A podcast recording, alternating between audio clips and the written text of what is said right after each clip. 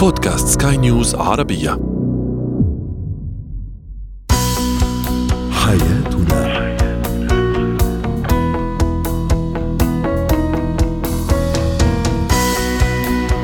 مستمعينا الكرام أهلا بكم إلى برنامج حياتنا برنامجكم اليومي الذي يعنى بشؤون الأسرة وباقي الشؤون الحياتية الأخرى والذي يمكنكم الاستماع إليه عبر منصة البودكاست لسكاي نيوز عربية. معي أنا طيبة حميد. نتحدث اليوم عن أهمية مصارحة الشريك بعيوبه وفي زينة الحياة الحديث عن الطفل المزعج وكيف نقوم سلوك هذا الطفل.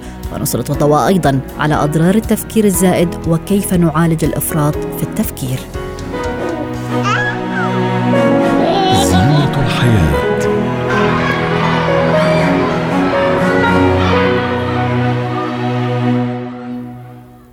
لا يكاد يخلو بيت من الطفل المزعج الذي يحتار أبويه في كيفية التعامل معه.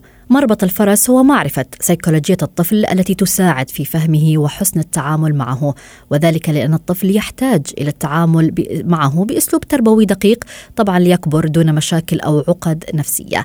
إذا عن كيفية التعامل مع الطفل المزعج تنضم لنا الاختصاصية والخبيرة التربوية هبة شركس.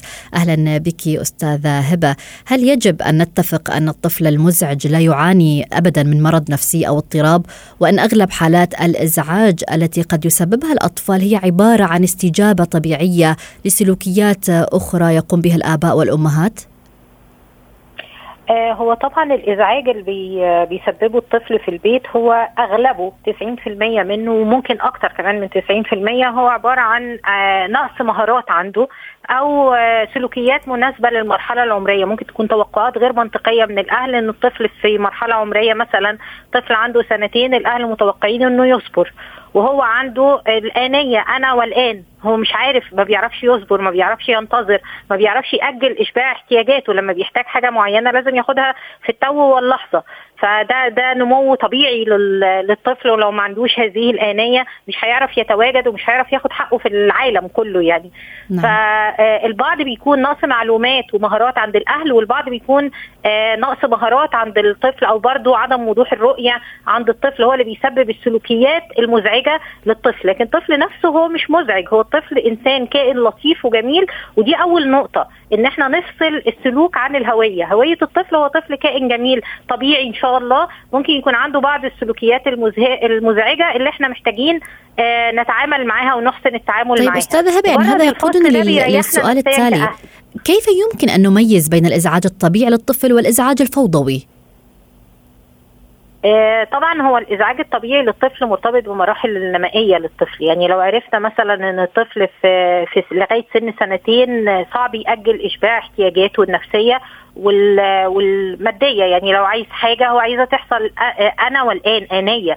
فهنبقى عارفين إن الطفل لو لو حاولنا ناجل له حاجة مش هينفع. لكن ممكن أعمل معاه إيه؟ فانا اتعلم طريقة تانية إن أنا أشتته. بدل ما هو مثلا طالب عايز ياخد الشوكولاتة قبل الأكل وأنا عايزة أجلها مش هقعد أكلمه بالمنطق وأقول له لأ ولازم تاكل الأول أو خد تفاحة بدل الحلوى. لأ هشتته. هقول له طب تعالى نتفرج على الكرتون اللي أنت بتحبه. وهو بيتفرج على الكرتون هو أبدأ إن هو جعان فهجيب له الأكل اللي أنا عايزة أكله له. فأنا اللي هعمل أنا اللي هتحايل مع عن على طبيعة شخصية الطفل. لكن مجرد إن أنا أدخل في دايرة العند مع الطفل أو أدخل ده معناه نقص معلومات عندي. مثلا الطفل عند سن أربع سنوات بيبقى عنده مبادرات عايز يقوم لو لقى والده جاي عايز يشيل معاه الأكياس لو لقى أمه في المطبخ عايز يساعدها في المطبخ. لو قعدت أعلمه المخاطر ولا وما تعملش كذا واقعد العب في ألعابك أنا كده ضد الطبيعة. فمجرد إن أنا أعرف إيه هي طبيعة الأطفال ده بيسهل عليا إن أنا أتعامل معاهم ومع الفوضى بتاعتهم. الحاجة بقى الثالثه إن الطفل يكون بيعمل سلوكيات أنا قارنته بأقرانه. عندي ولاد أختي من نفس العمر وعندي أطفال في الحضانة من نفس العمر وهو مختلف عن أقرانه. ده بقى سلوك محتاج إن إحنا ندور على منشأه. ليه الطفل بيتس... يعني أول سؤال ليه بيتصرف بهذا السلوك المزعج؟ ده كده مختلف عن أقرانه مش طبيعة نمو ولا أي حاجة. نعم. آه طيب إيه السبب وراها؟ ودي اللي نبدأ نعمل لها نستخدم معاها استراتيجيات تعديل السلوك. هل يجب أن نهتم أيضا بالجانب الجسدي بقدر اهتمامنا بالجانب النفسي؟ يعني أقصد هنا بالجانب الجسدي أخذ قسط كافي من النوم تناول طعام صحي. هل يساعد في تهدئة الطفل؟ آه، طبعا لما بيكون في آه، انضباط ونظام آه، نظام معين في في الحياة ده بيساعد الطفل جدا. لكن خلينا نقول برضو إن في بعض الأطفال ما عندهمش موضوع الانتظام. يعني هو هو طبيعة جسمه وطبيعة الساعة البيولوجية بتاعته فيها شيء من يعني من المرونة الزيادة عن اللزوم. يعني ملهوش ميعاد نوم محدد ملهوش ميعاد أكل محدد. فده مع الأم المنضبطة بيبقى مزعج جدا. كسلوك ده بيبقى السلوك ده مزعج جدا بالنسبة لها. لكن مع الأم اللي هي كمان ساعتها البيولوجية مش كتير منضبطة بتلاقي إن مثلا الطفل ده بتتعامل معاه وما بتشتكيش منه. نعم. فيبقى هو برضو كمان عدم توافق طباعنا آه، ما بين الأهل وما بين الطفل هو برضو اللي بيسبب المشكلات دي. عدم وجود نظام واضح ورؤية. يعني أنا مثلا متوقعة من الطفل أشياء لكن مش قايلة له أنا متوقعة منه إيه. متوقعة منه إن هو يجي يفتح شنطته ويشوف إيه اللي وراه لكن ما قلتلهوش ده أو قلت له ده في الوقت الغلط وهو عصبي وهو متنرفز أو أنا متنرفزة بقول أهم كلام نعم. لكن لو جبته بالراحة وقلت له تعالى نتفق مع بعض تعالى نعمل لنفسنا جدول لو هو من الطفل اللي ساعته البيولوجية غير منتظمة الجدول ده بيبقى يومي كل يوم لما يرجع من المدرسة بقعد معاه هتعمل إيه النهارده؟ هعمل كده هعمل كده هعمل كده. منظم يومك إزاي؟ أوكي. أنا بسيبك تنظم يوم بقول له الكلام ده. أنا بسيبك تنظم يومك على حسب مزاجك النهارده وبكرة ممكن عارفة إن أنت ممكن تكون عايز تغير الجدول ف that's okay إن إحنا ننظمه بشكل يومي بس مش على مدار الساعة على مدار اليوم. نعم. فبديله برضو amount معقول. لكن الطفل المنتظم عادي إن أنا أرتب معاه جدول بال يعني بال season بال term الأولاني مثلا هنعمل كده حط خطط ما فيش أي مشكلة. شكرا ف... لك على جميع هذه النصائح الاختصاصية والخبيرة التربوية هبة شركس. هو وهي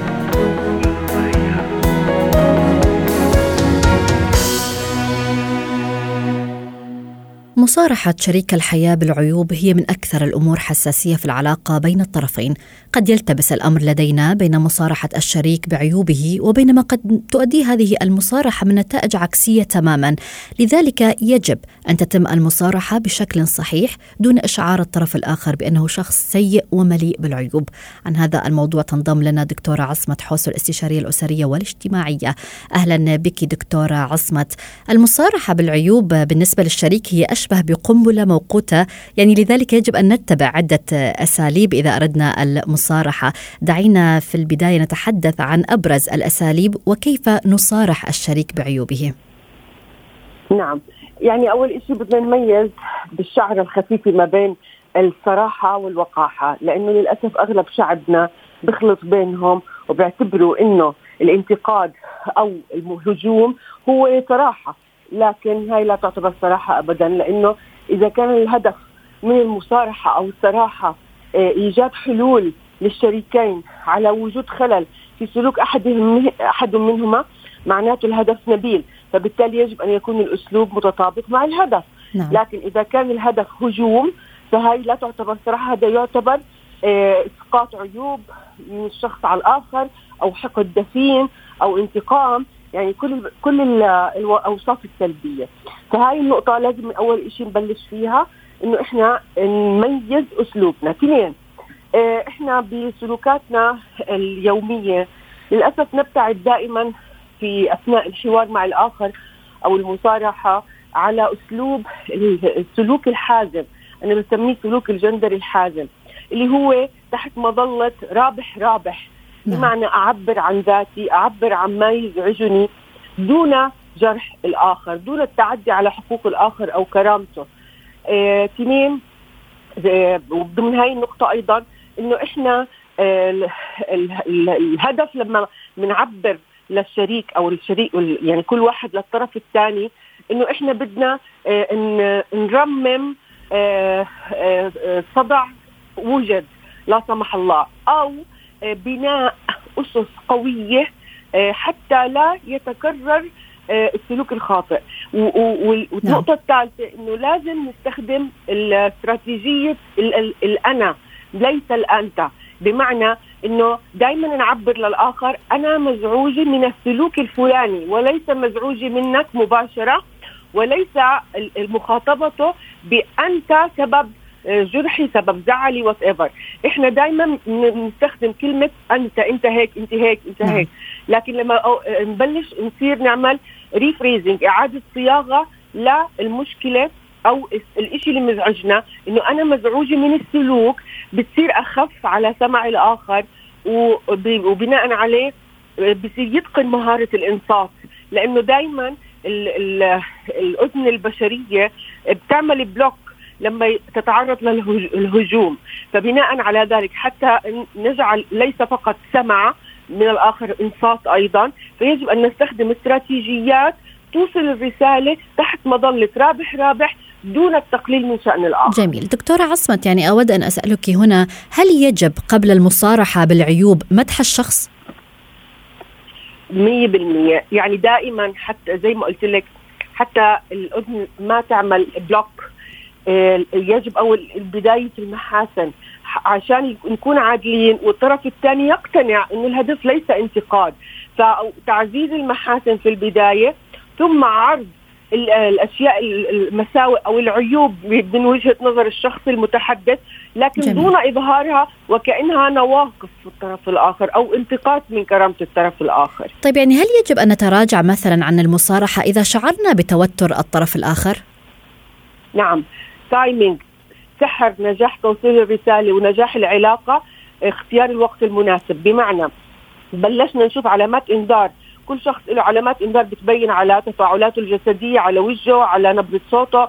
فلما بنشوف الطرف الآخر ابتدأ بالانزعاج يجب التوقف فورا لأنه بصير الهدف من جلسة الحوار لحل المشكلة آه، سقط. لأنه بتصير هنا حتما ستنتهي بمجزرة بين الطرفين نعم. لأنه يعني الأنثى تشعر بأن أنه ينتقص من أنوثتها والذكر يشعر أنها الأنثى تنتقص من ذكورته فبصير الرد الفعل شرس طيب دعينا نتحدث أيضا عن النتائج العس العكسية لهذه المصارحة وأيضا فوائد المصارحة. النتائج العكسية زي ما حكيت لك إنه إذا إحنا ما اتقنا لغة الحوار التي تتناسب مع الآخر يعني الناس بتفهموا غلط لغة الحوار إنه أنا بدي أوصل رسالتي بالطريقة تبعتي أنا. نعم. المهم أنا هيك فبده الطرف الثاني يتقبلني كما أنا. تقبل مهم لكن عشان أوصل رسالتي يجب أن أتحدث بلغة من أمامي.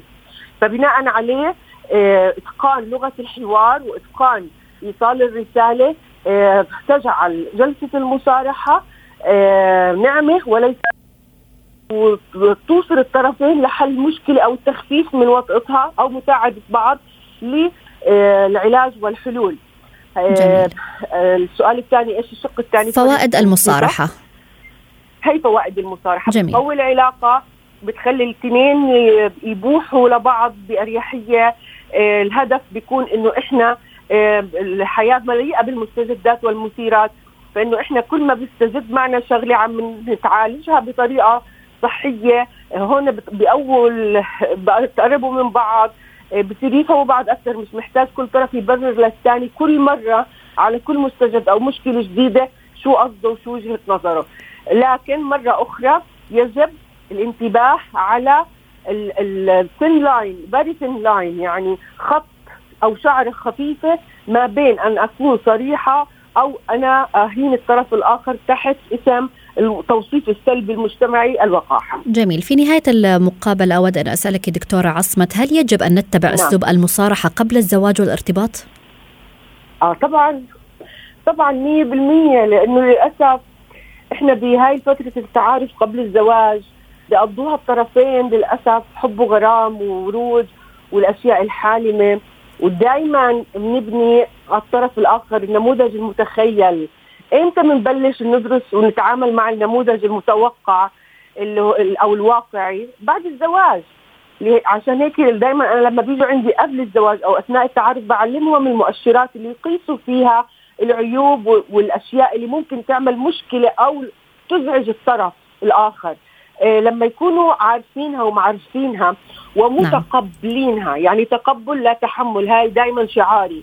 متقبلينها فبتصير عند أي نقطة خلاف بينهم فيما بعد بتكون أخف وأقل مشاعر سلبية عند ظهور المثير أو عند ظهور المشكلة بالتأكيد. لكن لما يضلهم مبلشين على نماذج متخيلة كل إنسان له نموذج متخيل في دماغه لشريك العمر نعم. لكن لا يجب أن يتم تكسير هذا الشريك وقبول من أمامي كما هو أقبل الواقع ولا أبقى على النموذج متخيل في دماغي وهذه سبب رئيسي في المشاكل بين الزوجين بالذات في الجيل الحالي في المجتمع العربي. بالتأكيد يعني المصارحة بالعيوب تدل على بناء جسر من الثقة بين الطرفين. شكرا لك دكتورة عصمة حسن الاستشارية الأسرية والاجتماعية.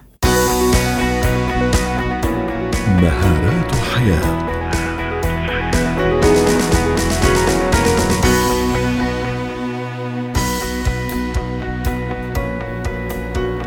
نتحدث اليوم عن الأفراط في التفكير أو التفكير الزائد والذي يحدث عندما تركز على فكرة معينة وتفكر فيها باستمرار لفترة طويلة من الزمن وتصل إلى مرحلة تجد نفسك في أعماق مختلفة ضمن هذه الفكرة. يعني الأفراط في التفكير إنك تسمح لشيء ما أن يدور في ذهنك إلى الحد الذي لا يمكن اعتباره امرا صحيا أو ضروريا. وغالبا ما يؤدي الإفراط في التفكير إلى سوء الحكم على الأمور وزيادة القلق والتراجع عن أداء المهام انطلاقا من هنا طرحنا السؤال التالي على مواقع التواصل الاجتماعي لسكاي نيوز عربية فيسبوك تويتر إنستغرام هل يحتاج عقلك في بعض الأوقات للراحة والتوقف عن التفكير؟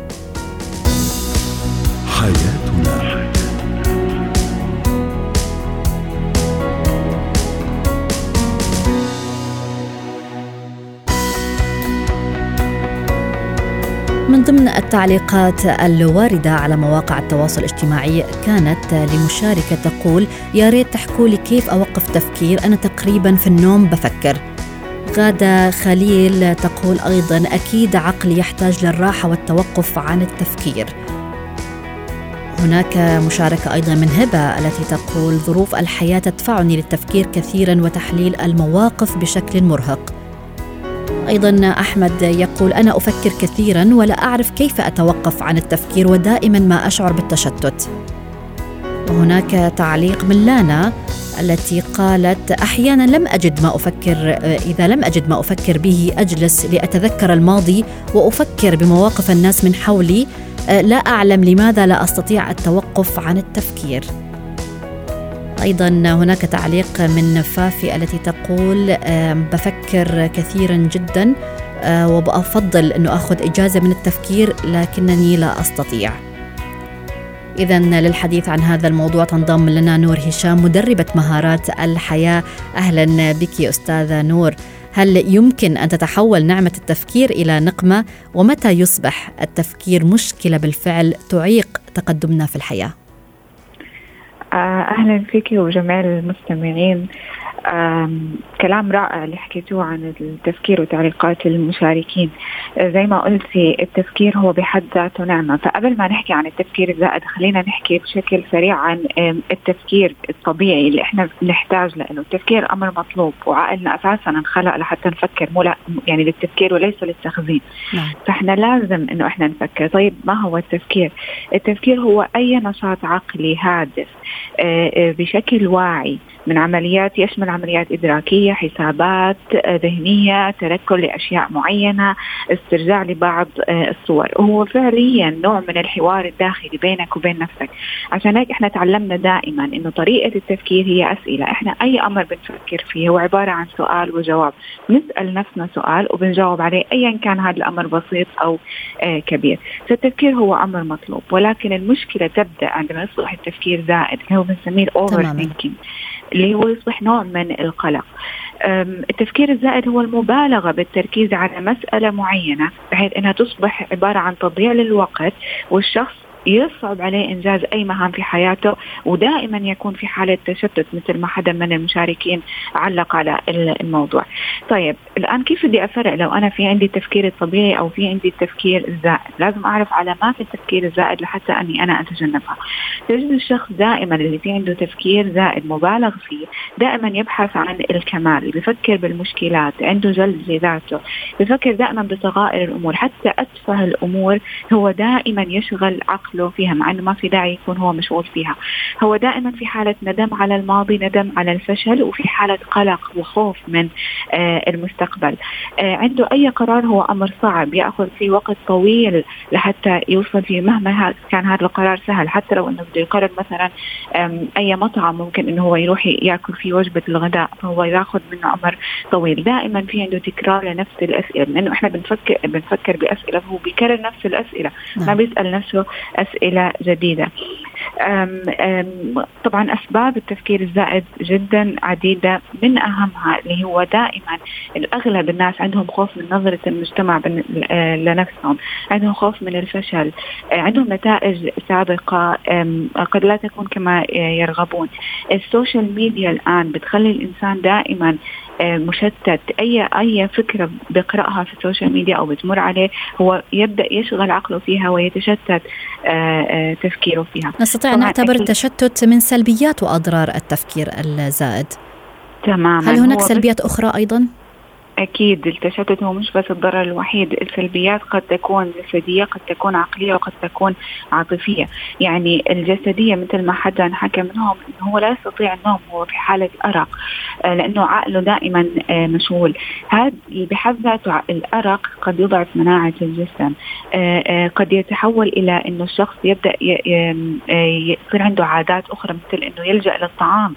الزائد فبينعكس عليه إنه بصير عنده سمنة بصير عنده سكري ضغط. الصحة العقلية بتتأثر لأنه هو دائما في حلقة مفرغة. قد قد يصل فيه إلى الوسواس القهري أو الاكتئاب أو صعوبات آه، أو اللي هي حالات القلق اللي بتحتاج لعلاجات طيب. آه، دوائية. أستاذة نور يعني كيف نوقف هذا الأفراط بالتفكير بخطوات؟